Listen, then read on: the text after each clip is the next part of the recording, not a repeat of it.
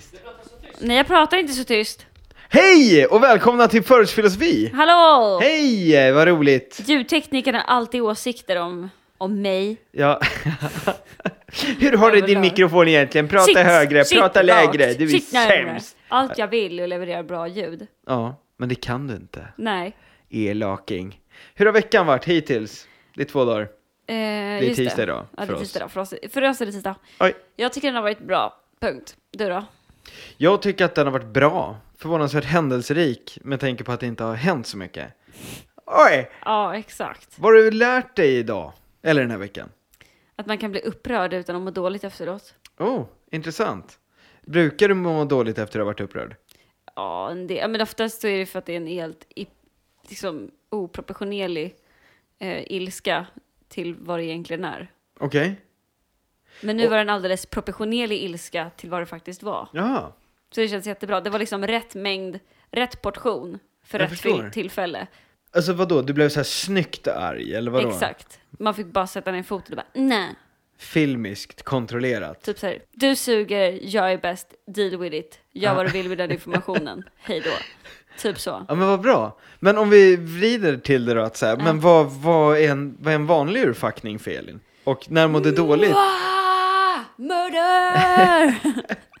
Coming from the murder train. Så, Va? Kommer från mordtåget? Va? nej, men, Jag ser bara ett rödmålat tåg. Murder! Folk som kommer ut med badyxor. Va? Det är yxor som man har med sig när man badar. Okej. Ja, det är skitsamma. En sketch. För jag var inte säker om du sa badyxor eller vadyxor. Eller badbyxor. Eller badbyxor. Det hade varit bisarrt. Det hade varit jävligt konstigt. Kommer ut och ska mörda med badbyxor. En vanlig urfackning, nej men då kanske jag... Nej men nu låter det som att jag alltid är så här helt Mhm. oproportionerligt arg för små saker. Men när det verkligen, när bägaren verkligen rinner över. När du vill strypa kaffepaketet. När jag vill bita i fotbollen. Jaha.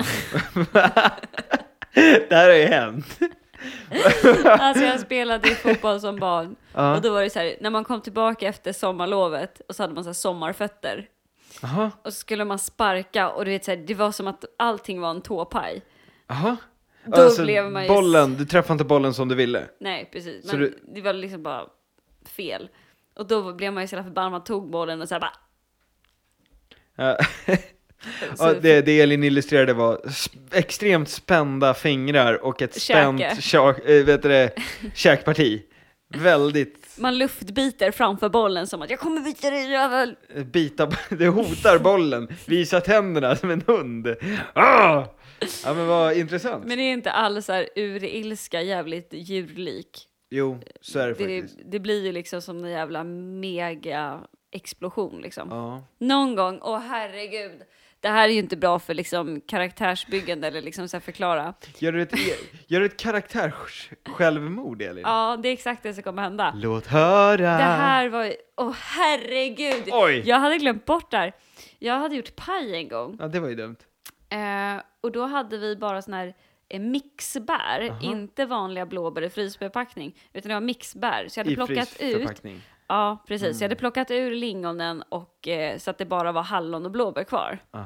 För ja, det kan ändå vara gott. Så jag hade plockat, handplockat ur alla lingon. Mm. Så när jag ska gå med den här jävla pajen, så i hallen så tappar jag pajen. När du har lagat den och sorterat lingon och... på mina vita sneakers.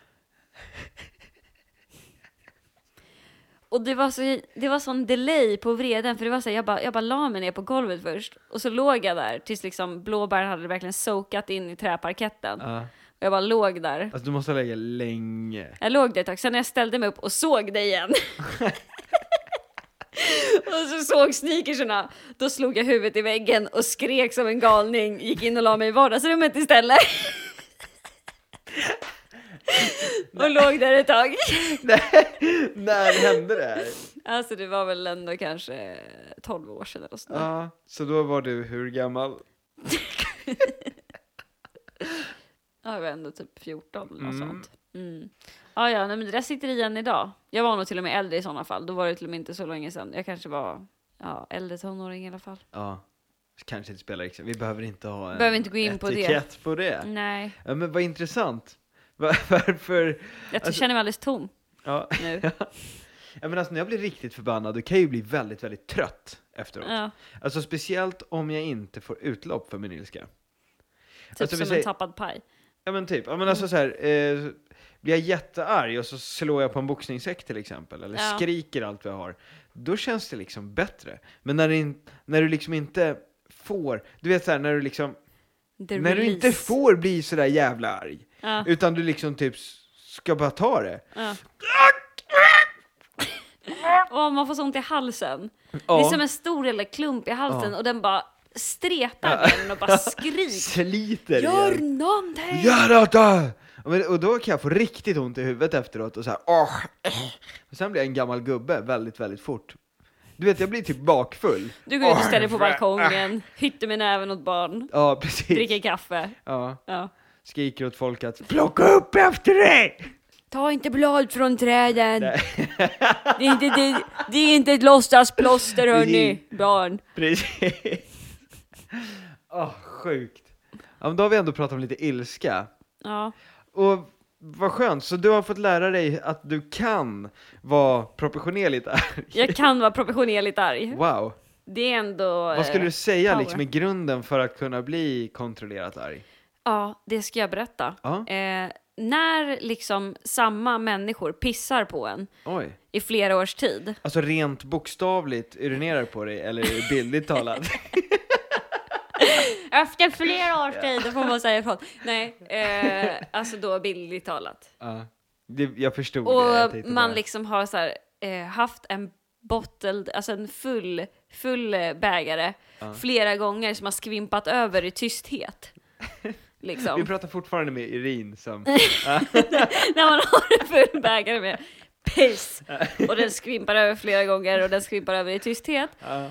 Då när den väl gör det, om man liksom har accepterat de här asen, eh, When you have the pint of peace. when you have the pint of pee man. and you're not surprised of the flavor anymore. det, liksom, det spelar ingen roll hur mycket det skvimpar över, för att det är bara så här, Då, då, har det, då har det redan på kläderna. Liksom. I've had enough. Ja. Och då kan man få säga ifrån Ja. på ett starkt och mycket hyttande med näve sätt. Ja. Alltså för jag måste säga, det är väldigt sällan jag går till personangrepp när jag är förbannad på folk. Mm. Jag brusar ju bara upp och exploderar, typ så. Ja. Men jag, alltså att kommentera så här, men du är si eller du är så, det gör jag Ja. inte. Men idag fick jag ändå så här, trycka dit människan på dig, ja. så det känns bra.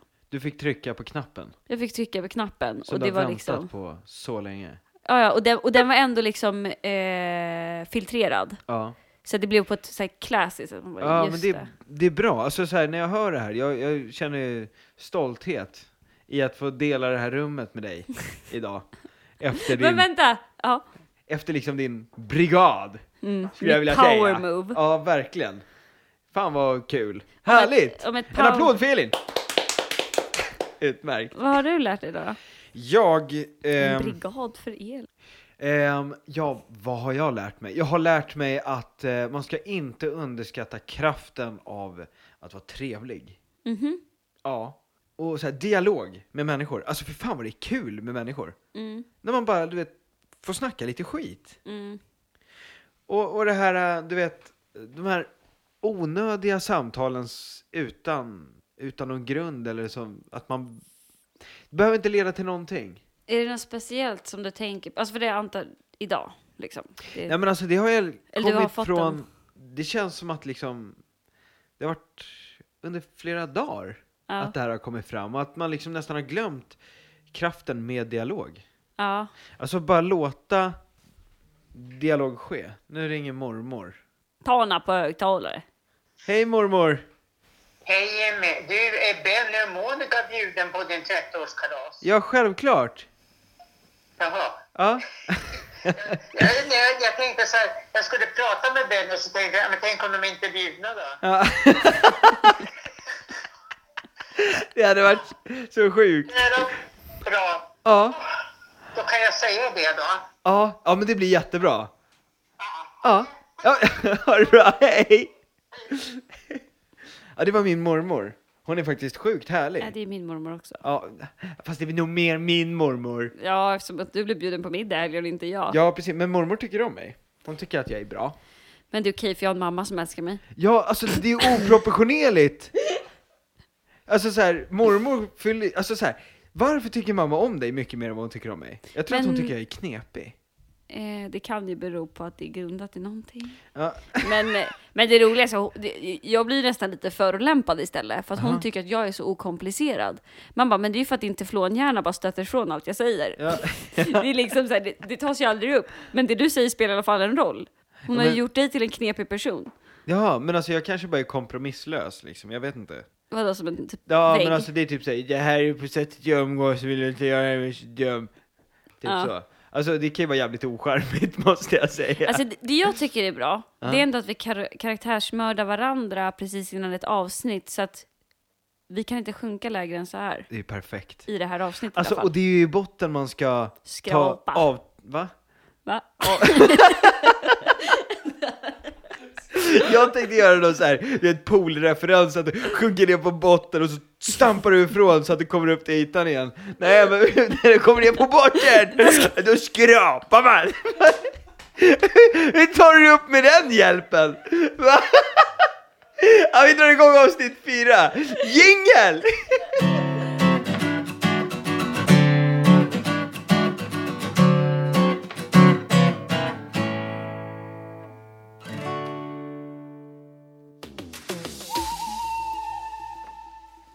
Den neuropsykiatriska funktionsnedsättningen ADHD syns i hjärnan.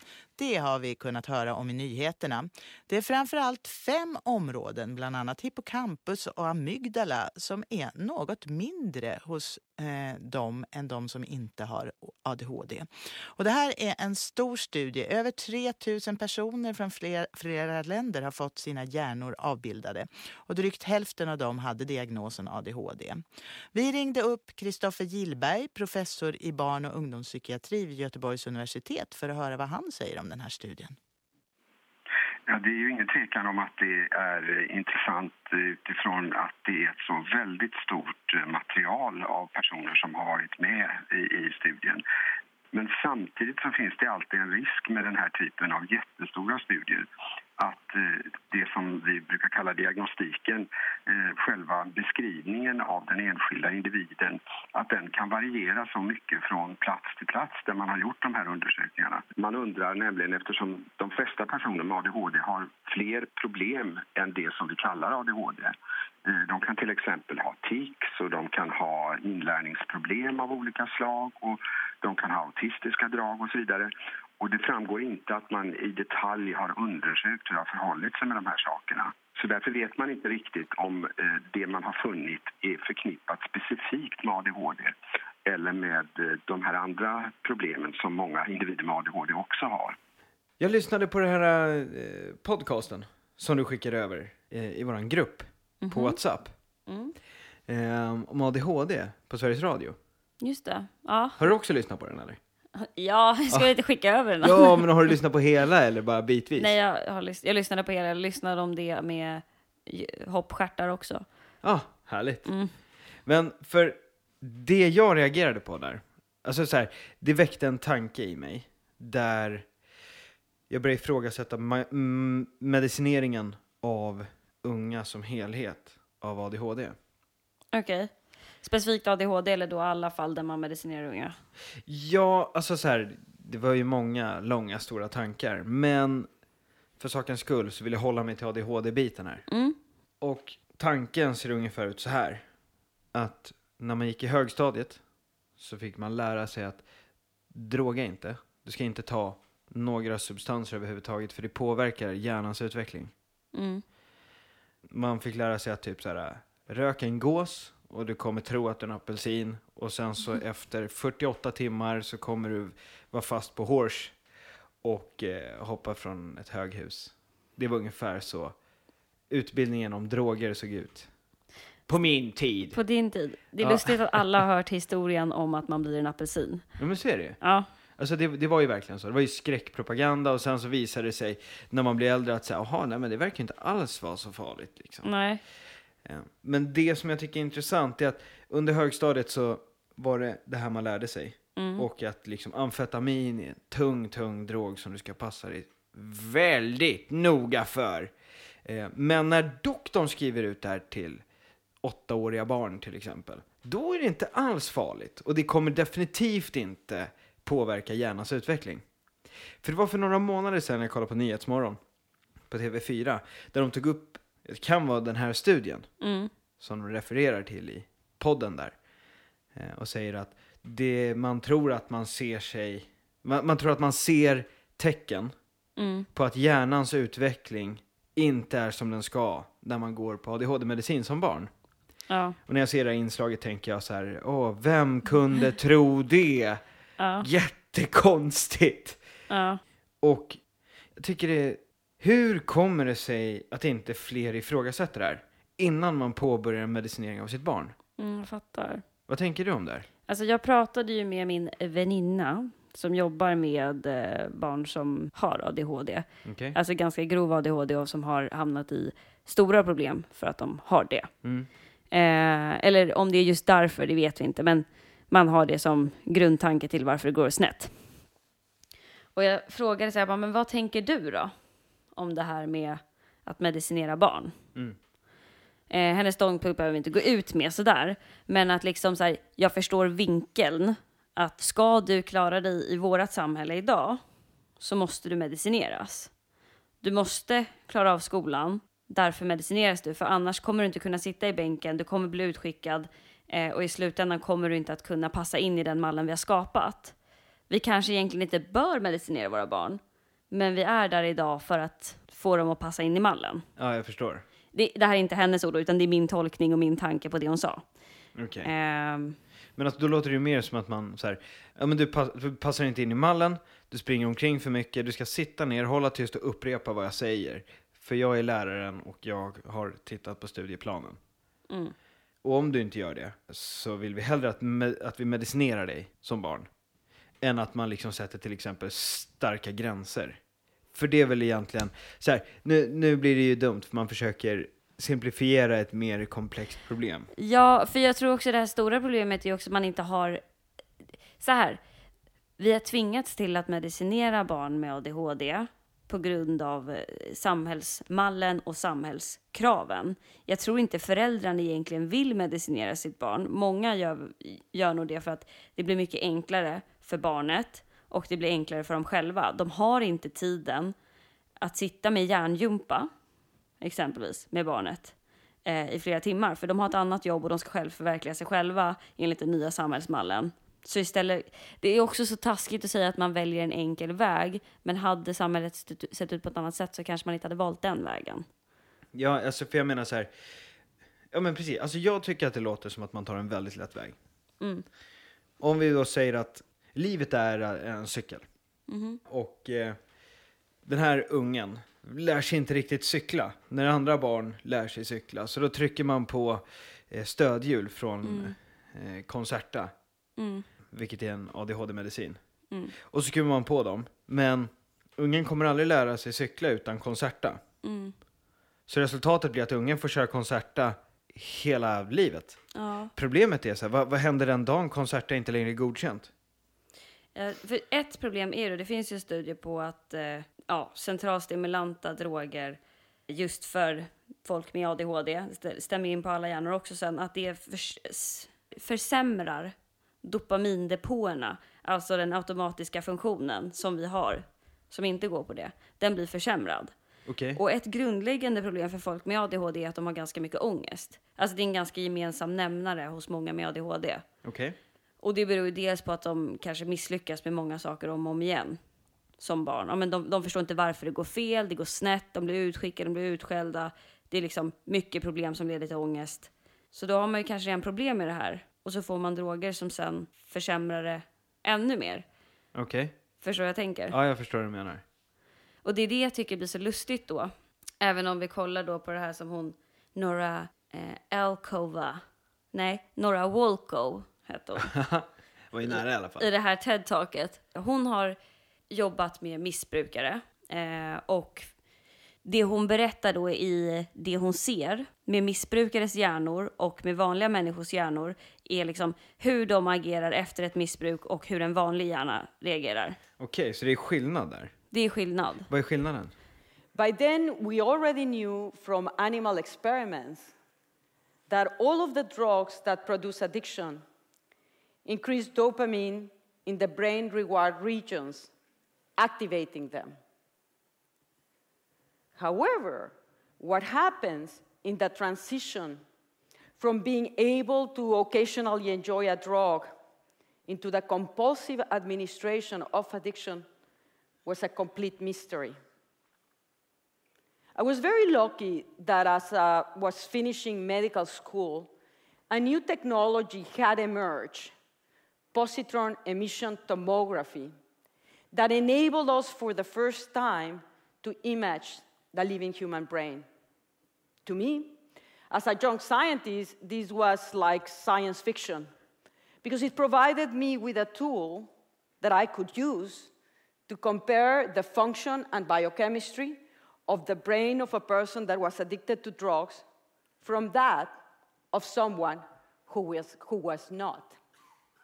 And this image here illustrates our first findings, initially reported in cocaine abusers, that we went then to replicate in methamphetamine abusers, alcoholics, heroin abusers. And what we found was that the brain of addicted individuals had a reduction in the levels of dopamine D2 receptors. Dopamine D2 receptors regulate the function of the frontal areas of our brain that allow us to exert self control, thus, providing an explanation about why an addicted person would be more vulnerable to impulsive and compulsive drug administration. These findings made me start to wonder whether something similar could be happening in obesity.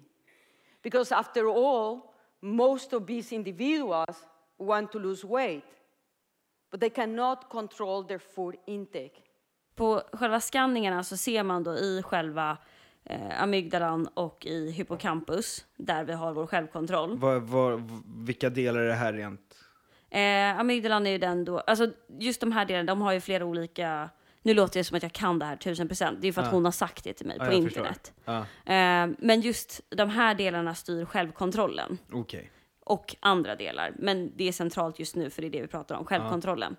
Och det de gör då, det man ser skillnaden på de som missbrukar, det är att de delarna är inte alls lika aktiva. Och då frågar hon Som i sig... en inte br- missbrukande människa. Precis, och då frågar hon sig, men varför är det så? Och sen förklarar hon det. Jo, det är för att anledningen till att vi har ett belöningssystem, det är för att vi ska överleva, vi ska uppnå saker, vi ska komma framåt, skaffa mat, eh, uppnå vissa saker och då får vi en belöning av kroppen för att vi har gjort rätt. Medan de här personerna då, som missbrukar, får belöning för inget arbete. Alltså så kommer inte självkontrollsdelarna i hjärnan att utvecklas. Utan de står kvar på samma ställe och är inte lika aktiva för de får belöningen ändå. Okej. Och det är även samma sak för folk som lider av fetma eller att de av övervikt. Alltså ingen som är överviktig vill vara överviktig. Ingen som har ett missbruk vill vara missbrukare, de flesta i alla fall. Eh, och det säger hon också som har jobbat med dem. Och det blir också så här, och det vi säger då till dem, det är att ja, men du har ingen eh, självkontroll. Och som att de faktiskt har ett val. Men faktum är att de har inget val. För att de delarna i hjärnan är inte aktiva. De fungerar inte.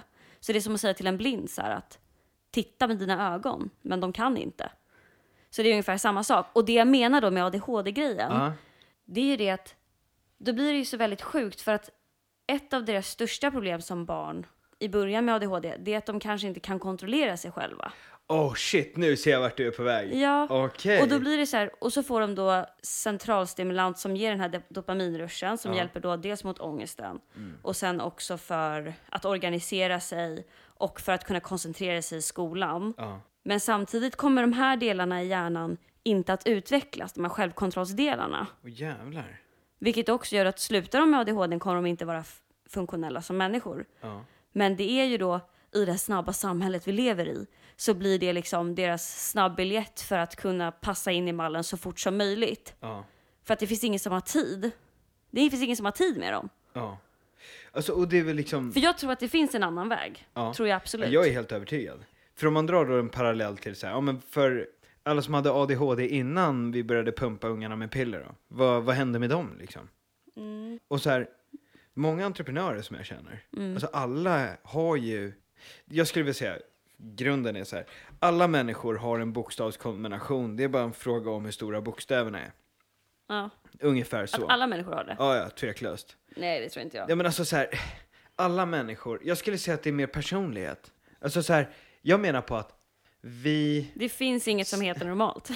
nej precis, Ja. det är det första. Och sen skulle jag säga, det är två problem med liksom diagnoser idag. Det ena är att det är poppis. Eh, och att alla typ Alltså jag, ja, alltså Ja. alla jagar en diagnos för att typ så beskriva sig själva. Mm. Istället för att bara må bra i att vara människa. Istället för bara anamma stjärntecken och så är det klart. Nej, jag skojar. Ja. Och nummer två, alltså så här, vi letar liksom quick fixes. Eh, så här, ja, På jag, stora problem. Precis, alltså, och mm, där finns det en uppsjö av saker som jag kan tycka är jävligt konstiga liksom. Mm. Men vi säger att, ungefär så här, du är lite bakfull av bakfull ångest dagen efter och sen så bara, åh, så jävlar, jag känner mig som att jag, jag, jag har ångest liksom. Mm. Eh, och så börjar du leta i minnet från kvällen dagen innan varför du har ångest. Och så försöker du klä din ångest med det här minnet. Att säga, åh nej, jag sa hej. Åh, vad jag har ångest nu. Men du vet ju själv att det är inte därför du har ångest. Nej, just det. Precis på samma sätt som så här, ja men eh, jag känner mig obekväm med mig själv eller försöker hitta en anledning till varför jag misslyckas med saker och ting. Inte det att du inte fortsätter och försöker igen utan så här, åh nej men jag vill kunna skylla på att jag har eh, är ADHD. Eh, Mm. För att då slipper jag stå till svars för mina egna misslyckanden och nederlag. Eh, oj, vad jag Du tror kommer få inte att skit det för det också är ett inövat beteende eftersom att det är det alla dina lärare har sagt? Så att kan det det vara. det som är ditt problem? Ja men så är det ju, men jag menar på att det är även vuxna människor idag som letar diagnoser. Liksom. Mm. Ungefär så. Och om vi då går tillbaka till ADHD och de som inte har blivit stämplade med ADHD. Mm. Eh, för de flesta människor som är entreprenörer, som jag känner, har uppenbarligen ADHD. Mm. Och det ser man ju på deras, alltså på, på sättet de beter sig. Mm. Så här, ja men de här har ju ADHD. Men de har inte medicinerats och de är extremt framgång, alltså framgångsrika entreprenörer idag. Mm. Om det är så att många av våra entreprenörer i landet har ADHD, vad händer då om vi medicinerar hela vår nästa generation med ADHD? Mm. Så att inte de utvecklas på, utvecklas utan, de utvecklas med hjälpmedel. Mm. Eh, som när du tar bort dem förändrar förutsättningarna helt. Så att de, de måste ha medicin, medicinen för att fungera.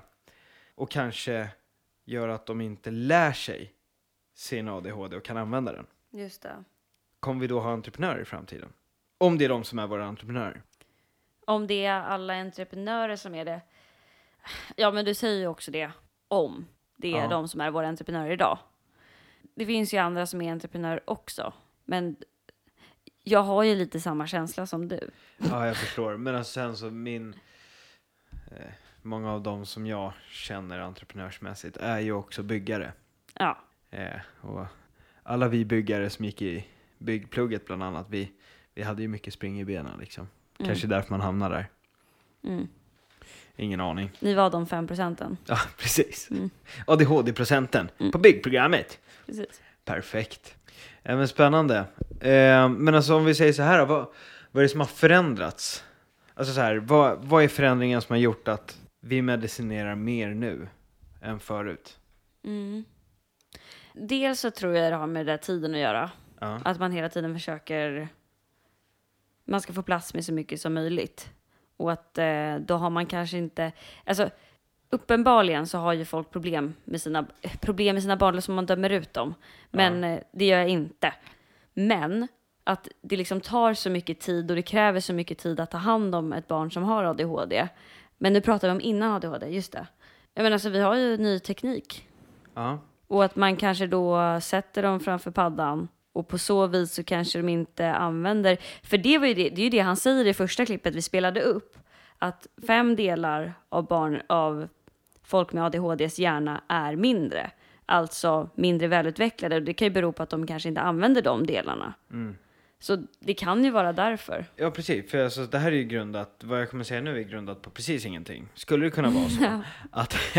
Älskar ogrundad fakta. Ja, men alltså skulle det kunna vara så att vi liksom, eh, man är så jävla stimulerad hela tiden så att du behöver aldrig använda din eh, fantasi. Eller du behöver aldrig liksom sätta dig inför ett problem att stimulera dig själv. Eh, så resultatet när du sätter dig vid en skolbänk sen Mm. är att du inte blir serverad med stimulans och därför har ett problem. Mm. Det du blir serverad med, som du har blivit serverad med under dina tidigare år, till exempel Cartoon Network, Smack, eller en padda med, jag Ja, vet inte, överstimulans. Precis. Att du aldrig har blivit utsatt för tristess. Och svaret på det, när du sätter dig i en skolbänk som är skittråkigt, vet alla som har suttit där. När du träffas av tristess för första gången i ditt liv, Så får du panik. ja, kanske, jag har ingen aning, så får du Mm. Ångest. ADHD. jag har ingen aning. det. För jag tycker det är jättekonstigt att nu har ju var och varannan det här liksom. Ja, 5 procent av skolbarnen idag har det. Ja. Alltså har stämplats med Är det. diagnostiserade. Det är ju imponerande alltså. Men för det jag tänker på, man är ju noggrann med det med småbarn, att de inte får kolla på för händelserika barnprogram för att de kan överstimuleras. Ja. Det kanske liksom inte räcker med, de kanske inte alls ska ha Nej men så kan det ju vara. och sånt. Kanske, alltså jag kan ju, jag tror att tristess är skitviktigt. Det är kanske de tristessdelarna i hjärnan som inte får utvecklas då. De här fem, de, de här fem små delarna. Ja. Det är de som understimuleras. Kanske. Det kan vara det. Ja men alltså för jag, om jag ser till mig själv så kan jag ju bli deppig när jag blir överstimulerad.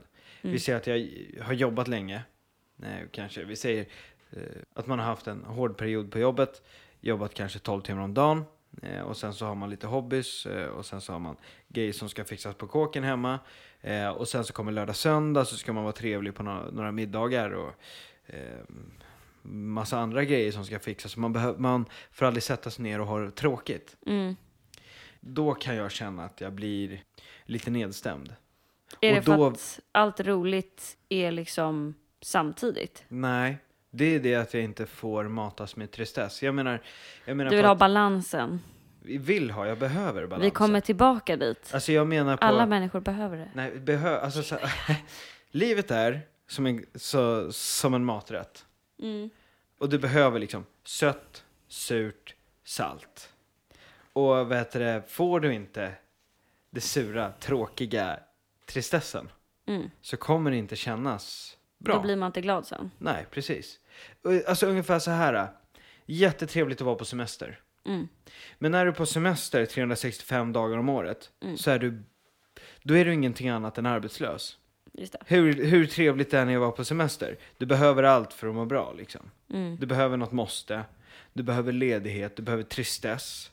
Och du behöver något som är jobbigt. Mm. För har du liksom inte det, alltså som sagt, det här är baserat på bara min egen uppfattning om Nej verkligheten. men inte bara det, det är väl eh, grundläggande kinesisk filosofi, urgammal, yin och yang. Precis, men nu försöker jag ta så här, Ja, du försöker skapa en egen. ah, jag, jag försöker skapa en egen tro här. Kom igen, jag Okej. försöker ju skaffa anhängare. Ja, okej, ja, ja, sorry.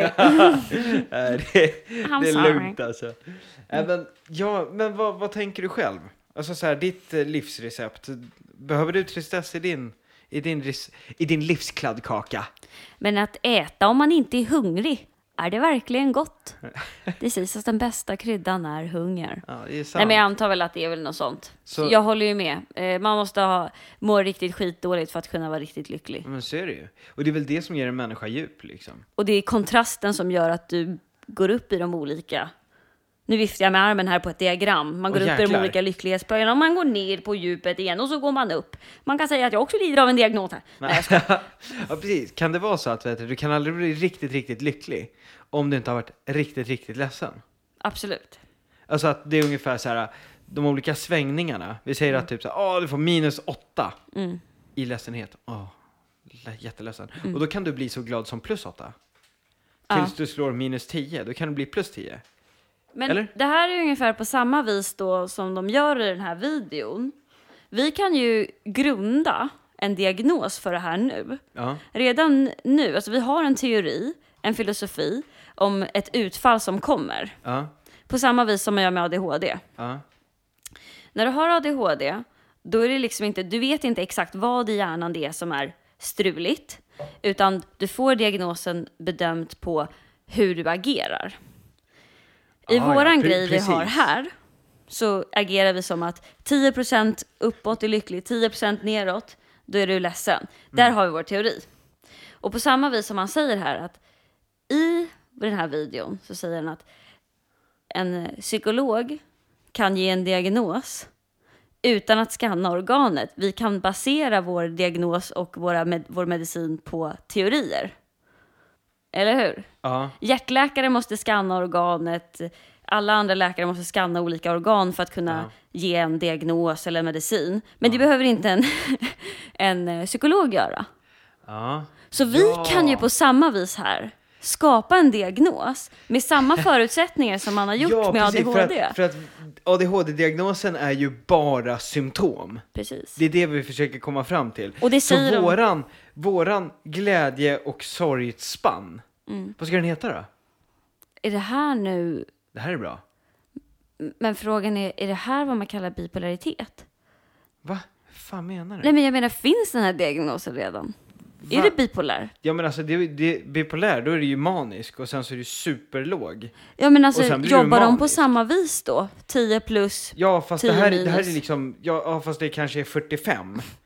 Och 45 minus. Ja, ja, men du säger samtidigt att det, vi måste ju ändå ha vissa sa- saker vi förhåller oss till. Säger vi att det blir 10 minus, ja men då måste det vara 10 plus. Ja precis. Eller hur? Ja. Och ibland så är det ju kanske 12 minus. Ja men så är det ju, men alltså så här, du blir ju inte så jäkla glad så att du går och spontan köper en Lamborghini, köper fyra hundar, byter jobb och allting är helt fantastiskt och du så här står och, ja men alltså allting är så jäkla bra. Ja, Så att, och du gör saker helt utan att tänka.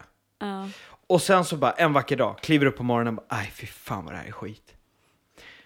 Och sen så liksom så här, ja, du vet, lämnar inte ungarna på dagis, eh, gräver ner i ett hål. Och sen så är du borta i tre månader. Och sen kommer du tillbaka igen. Fast det är ju, de lever ju fräs. på samma Köper skala. en, köper en ny Lamborghini.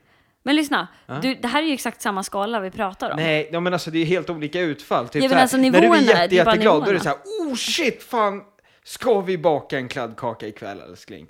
Ja, det ska vi. Superledsen, ja. Alltså jag känner för att sitta i soffan ikväll och inte göra någonting baby. Ja. Okej, men, så du, men okej, du tänker att den här diagnosen är då, för det måste ju bara vara vissa som har den. Va- varför då? För att det ska Vet bli en vi- vi har ju diagnos. se- Vi har ju sett att alla kan få en diagnos. Det spelar ju ingen roll.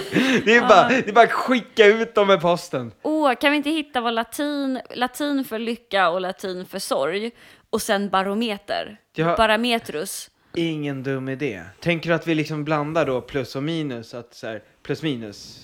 Plus minus Ja, ja kör, barometer. vad, vad tänker du Då då? vill lycka beatitudinem dolor. Dolor är då sorg. Så det är beatitudinem och eh, är lycka och dolor är sorg. Okej. Barometer. Så då lider man alltså av beati, beatiduninem Ja. dolorbarometer. BDB. BDB? Jag Jag, lider av BDB. ja, jag med. Hur urartar För sig ibland det så är då? det, nej men alltså så här, ibland mår jag bra, ibland så börjar jag lite mindre bra. Mm. Ja.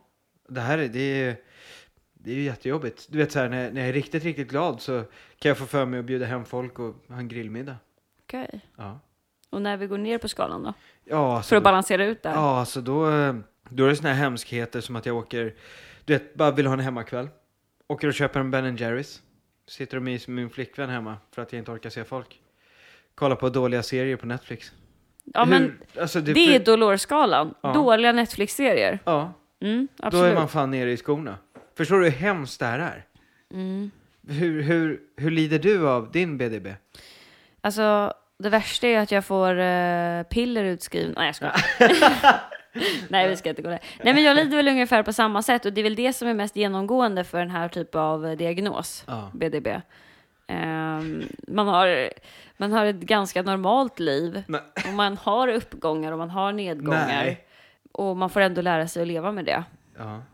det är det alltså så som är här, bra med den här diagnosen. Är det någonting som du känner, känner att du liksom har fått någon, du vet så här, fått en förklaring till ditt liv?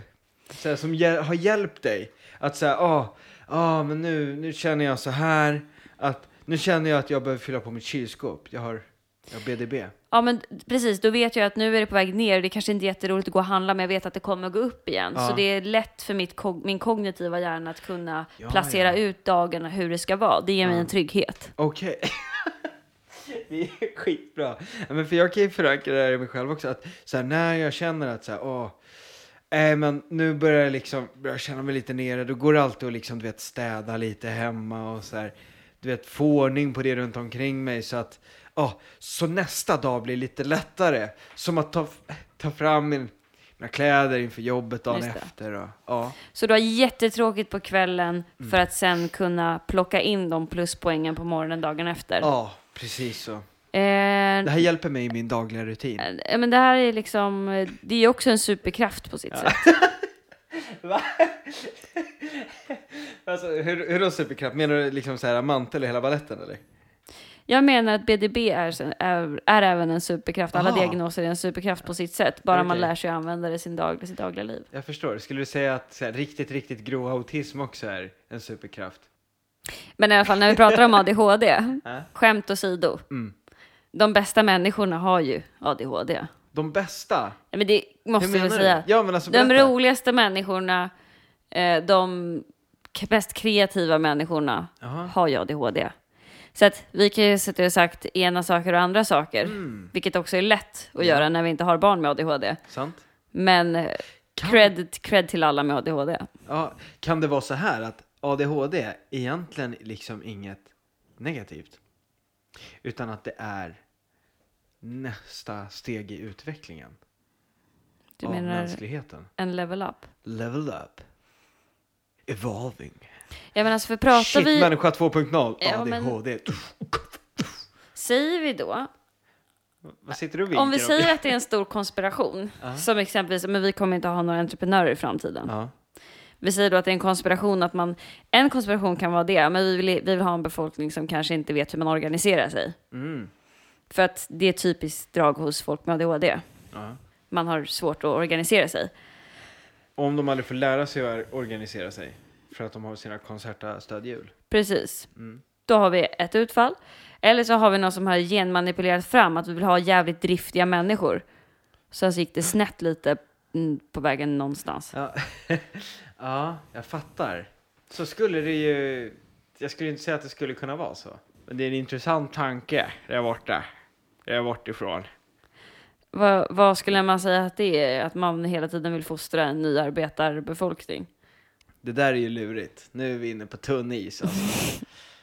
eh, jag skulle ju inte säga att det är en stor konspiration. Jag tror inte att det är liksom ett gäng gubbar med hattar och mustascher som sitter i en bastu och klappar varandra på ryggen och så här, nu ska vi styra folket eh, till ADHD-medicinering.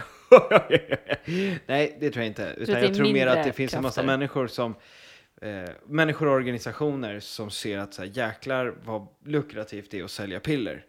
Mm. Eh, och så gör man olika grepp för att få sälja mer piller. Och alla såna här typer av viljor får också en konsekvens. Ja, ja, det är några som måste drabbas. Så är det ju. Det måste kosta någonstans. Värdet måste tas ut. Det- Lite som BDB. Ja, precis. Värdet tas ut på ett ställe och det sätts över till ett annat ställe. Precis. Ja. Alltså den enes eh, bröd, den andres medicinering.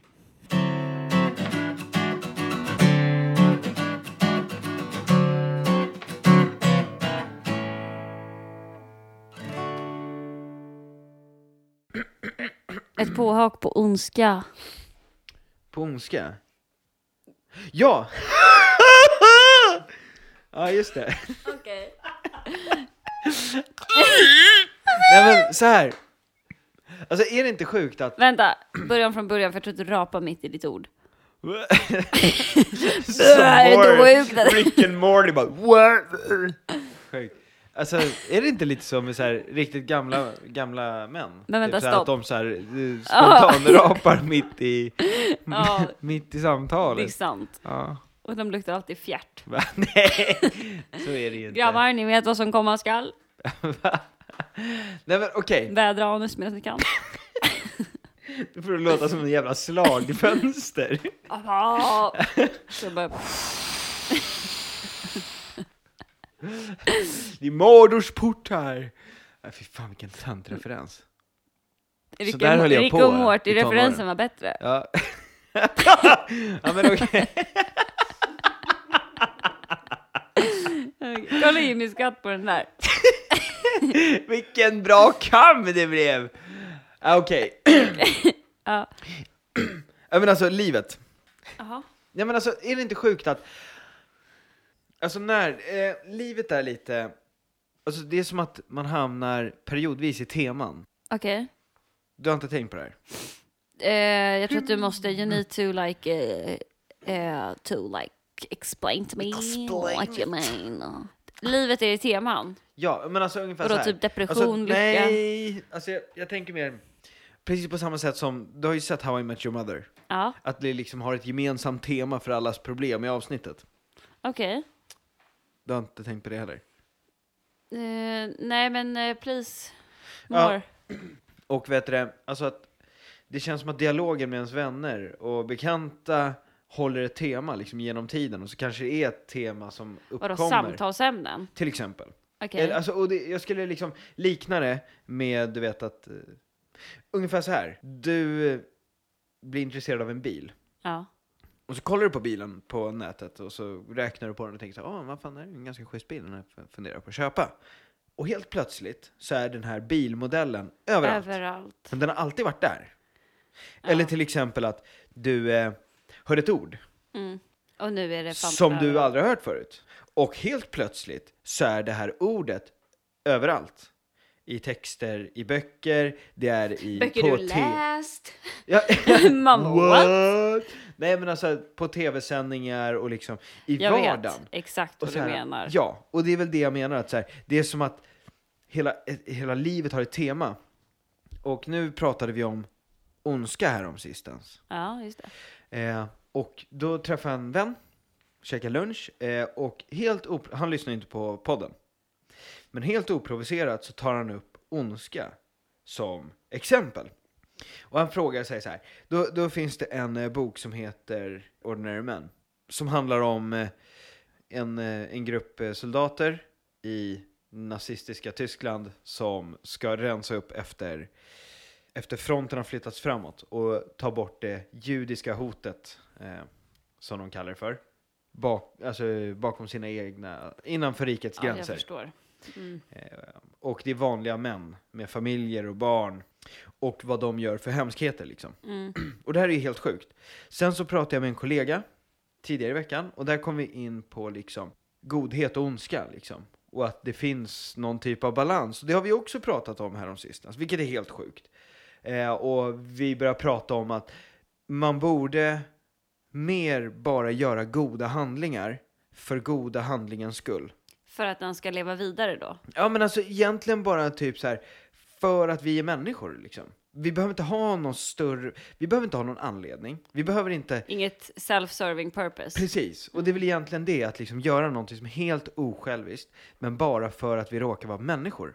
Mm. Och jag, tycker, jag kan tycka liksom att vi har tappat det. Liksom, det fanns ju en idé att typ så, ja men håll upp dörren för någon på tågstationen och så kommer det leva kvar längre än om du inte gör det. Hälsa på någon som kanske får McDonalds när du kommer hem. Ja, precis. Medan istället så kanske det bara handlar om att säga hej till kassörskan, Mm. fråga hur läget är. Eller bara eh, dela med sig av en, en blick och ett leende. Eller, alltså bara vara förändringen liksom. Hur tänker du att det här hör ihop då? Alltså jag tänker att temat är ungefär så här. Alltså att vi har pratat om ondska och sen så har vi pratat om balans, vi har pratat om godhet. Jag måste säga en sak, för jag vet, ja, jag vet vad du menar. Alltså det är ju lite de här sakerna som alltid kommer. Dels orden, eller om du upptäckt något nytt, då vet alla Ja, om det. Precis. Men också så här, senast var förra veckan. Det var ett tag jag alltid tänkte på salsa. Nu tänker jag Ja. inte på alsa. På salsa. På alsa. nu tänker På inte på salsa, salsa. så pratar vi tomatsåsen Dansen nu? salsa. Dansen salsa. Ja, det, det, det är bra om vi förtydligar det. För i mitt huvud så var det liksom, nu kommer snart nachos. nej, nej, nej. Toma- nej, inte tomatsalsa. Tomatsalsa! Danssalsa. Ja, Dansa danssalsa. med fötter och rumpa och Ja, höfter. nice. Ja. Eh, men då ska några kollegor gå och dansa salsa och så här, tio minuter senare så får jag ett sms från Pierre. Vart var det vi dansade salsa? Och då undrar jag, min tanke på det måste ju ändå vara, alltså man kan ju inte låta bli att fråga sig om vi alla då, speciellt vi som har nära kontakt med varandra, vi som träffas dagligen, är uppkopplade på samma fucking wifi. Ja, ja, liksom det kollektiva wifiet Wifi-nätet. av människor. Ja, Ja, alltså ett kollektivt medvetande. med andra ord. Ja, alltså det är ju det är en gammal tanke. Och så här, det... Jag skapade tanken nu, vad var det du inte hörde? Ja, Public wifi. ja men alltså så här, ja, det är jättespännande att börja gräva i det där. Kan det vara så? Men det går ju också ihop med det du, alltså goda gärningar för goda gärningars skull. Det går ju också lite så här, ja men karma. Mm. Eh, lägg ut en god gärning och det kommer påverka din omgivning till att bli en godare omvärld. Så det går ju egentligen ihop där också om det är ett kollektivt medvetande vi pratar om. Alltså blir det ju ett lite self-serving purpose ändå. Eftersom att om du då gör en god gärning går det ut i universum och du blir påverkad till något positivt igen. Ja. There are no selfless good deeds. Ja men alltså, och det är väl det jag vill liksom så här, äh, tvätta bort. Okej. Jag tror att det finns det. Okej, hur går du tillväga då? då? Ja men så här, du kommer ju, så här, nu har ju du bestämt dig, jag ser det i din blick. Här, Nej men jag, ja, jag men håller med, jag, jag fattar. Alltså, jag tycker också det är givetvis för att målet är ju inte att du ska lägga ut god karma. Nej.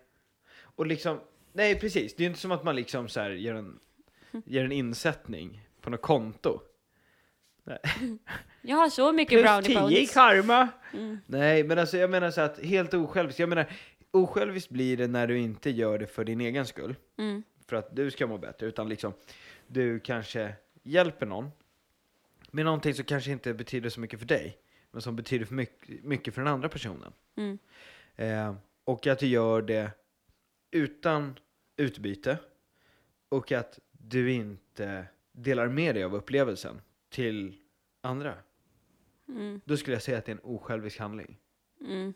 För jag har inte gjort det för att liksom nå högre social status eller vad Eller bekräftelse eller vad Ja, det är. precis. Mm. Det enda som är synd då, alltså så här, då, är, då sker det ju en fin grej mellan två människor, så hoppas man på att den människan ska göra någonting bra liksom. Mm.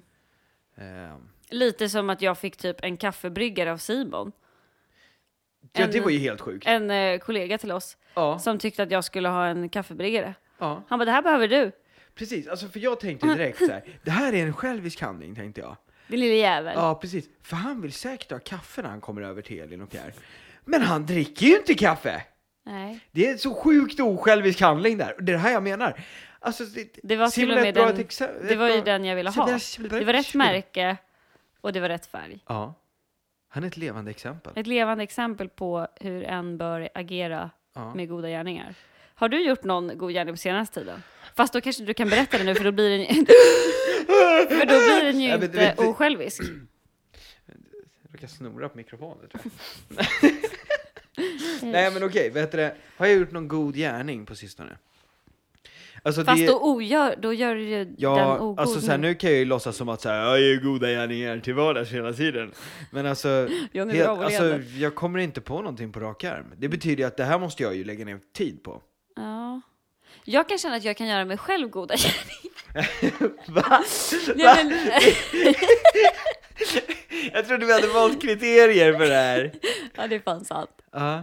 Och Men det var ju inte att man skulle vinna på det själv. Men snälla, berätta en god gärning Men åt kan du inte känna med vissa ageranden du har att det här är en bra egenskap, det här är en dålig egenskap. Det här är en bra egenskap, det här är en dålig egenskap. Och när du gör de här bra egenskaperna för att du är du, Ja, då kan man bli så överraskad själv att man bara, men fan, jag är ju en bra människa. ja. Då får du en liksom extra boost Ja, ja. och känner ännu mer att du är en bra människa och kommer göra den här handlingen ännu mer. Jag förstår. Typ som att när vi var på spa i fredags så var vi så jävla sociala. Ingen annan tyckte att det var roligt. Alla bara, här är vi för att vara tysta som på ett bibliotek. Och vi bara, "Ah, bla bla bla. Var så här jättetrevliga. Men då var det några som huckade på det och tyckte att vi var skittrevliga. Och vi bastade tillsammans och liksom så här, körde finska bastun. De lärde oss att basta och vi hade så här skittrevligt. Kul! Och det var ingen mer med, ja, och det var liksom ingen mer med det. Och då kände man sig bara, fan jag är social. Boost, blev ännu mer social. Ja. Men så där är det ju faktiskt. Och det är goda gärning, en god gärning för mig själv. Ja. De njöt också av det, men jag njöt ju av det mest. Alltså var det inte för deras skull, det var ju egentligen för min skull. Njöt. Njöt. Det är alltså en inverted good deed. But Ja. it's still bra. But it's still a bra. Jag kom på att jag pratade lite mycket, jag kom på att det var lite mycket engelska, så jag bara, varför säger du inte bara det här på Ja, svenska? det är jättekonstigt. Men det är fortfarande en bra gärning. Jävligt bra. Ja men, kul! Vad sa du? Nej men alltså det var bara det. Gängen! Nej. jag tappade dig med bastugrejen. Ja, nej men alltså vad, fan ska jag säga om det? Fan vad kul för er! Men jag kom Vilken bra god gärning mot dig själv! Fan det här borde folk göra oftare! Fan vad inspirerande! Ja, men alltså det kanske inspirerar till att göra fler goda gärningar mot andra. Ja. Men jag vet inte, det där var bara en far, farfetching. Alltså det var så fart, Fart. fartfetching. Det var verkligen så här, sträcker sig. Det blir så jävla dumt. Sträcker sig så långt att liksom magen blir helt platt och lång. Ja precis, Så allting måste ut. precis. Bara kavlar ut fisen. Nej men nu byter vi ämne. Nej, men frågan är ifall du har gjort en god gärning. Nej, alltså, Lever jag- du som du lär? Jag vill inte, jag vill inte Nej, jag har inte gjort någon god gärning. Men jag försökte slippa undan. Ja, du säger bara så för att bevara den goda gärningen. Jag tänker inte svara på den frågan. Ja, det är så det är alltså. Då skulle jag tagit tillbaka, för nu är inte det här en bra gärning för min skull. Jag skulle bara släppt det där. Jag skulle också bara låtsas som jag inte hade gjort någon. Mm. För nu har jag inte gjort någon. Nej, Resultatet av att jag sa, ja, suddat allt. Du har tryckt på livets delete-knapp.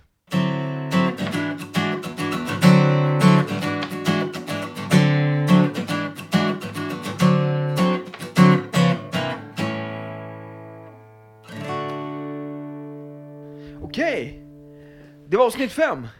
det var fasen eh, den här sången. Ja, vad kul det var. Ja, Alltså jag, äh, det här var, fan ser fram emot nästa inspelning. jag känner livet i ådrorna. Va? Konstigt uttryck. Va? I ådrorna? Ja. Alltså som blodet då eller? Ja, att livet pumpar runt. Pumpar Då runt. menar jag att livet är blod. Jag förstår. Eller något sånt. Ja, men vad ska vi backa upp med låt för det här då? För att få ett avslut? För att få avslut. Nej men, eh, vad ska vi ha för låt? Vi har ju inte ens kollat på om vi kommer bli anmälda nu. Nej. Det kanske Snälla vi ska anmäl outa. inte oss. Vi, vi spelar upp musik ej vilt utan att veta vad det innebär. Man kan bli stämd och så, betala dagsböter. Stim kommer jaga oss med blåslampa. Ja. Blåslampa. Ja. Jag säger gas, eld. För det är ett vanligt vapen för dem, eller precis som Kronofogden kommer och knackar dörr så har Stim Alltså, en i- det, blåslampa. här, det här är väl ändå ett gammalt uttryck? Bli jagad med... Nej, Nähä. det är det inte. Nej. nu kommer jag höra det Nu är det ett nytt uttryck i alla fall. Ja. Okej. Ja. ja, ja. Ja men vad kul. Fuck this shit, Yeah. motherfuckers. Vi bara slänger på lite baits och så slänger Fuck vi igen det här this locket. shit, motherfuckers!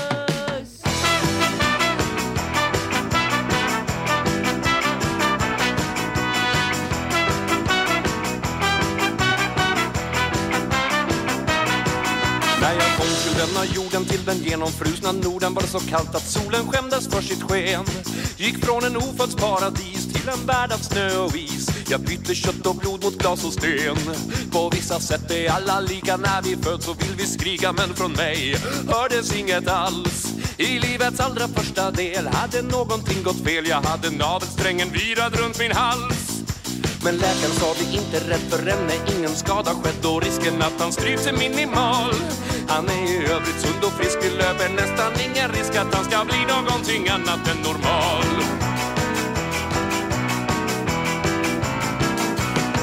Det allra första jag kan minnas ifrån tillvaron att finnas är att jag skrattar högt och alla tittar på.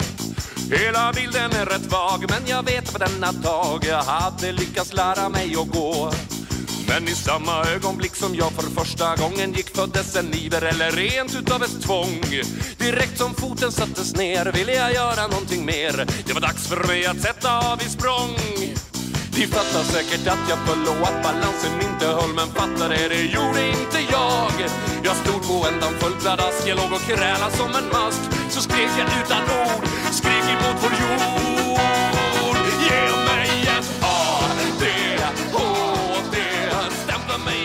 so I thought oh,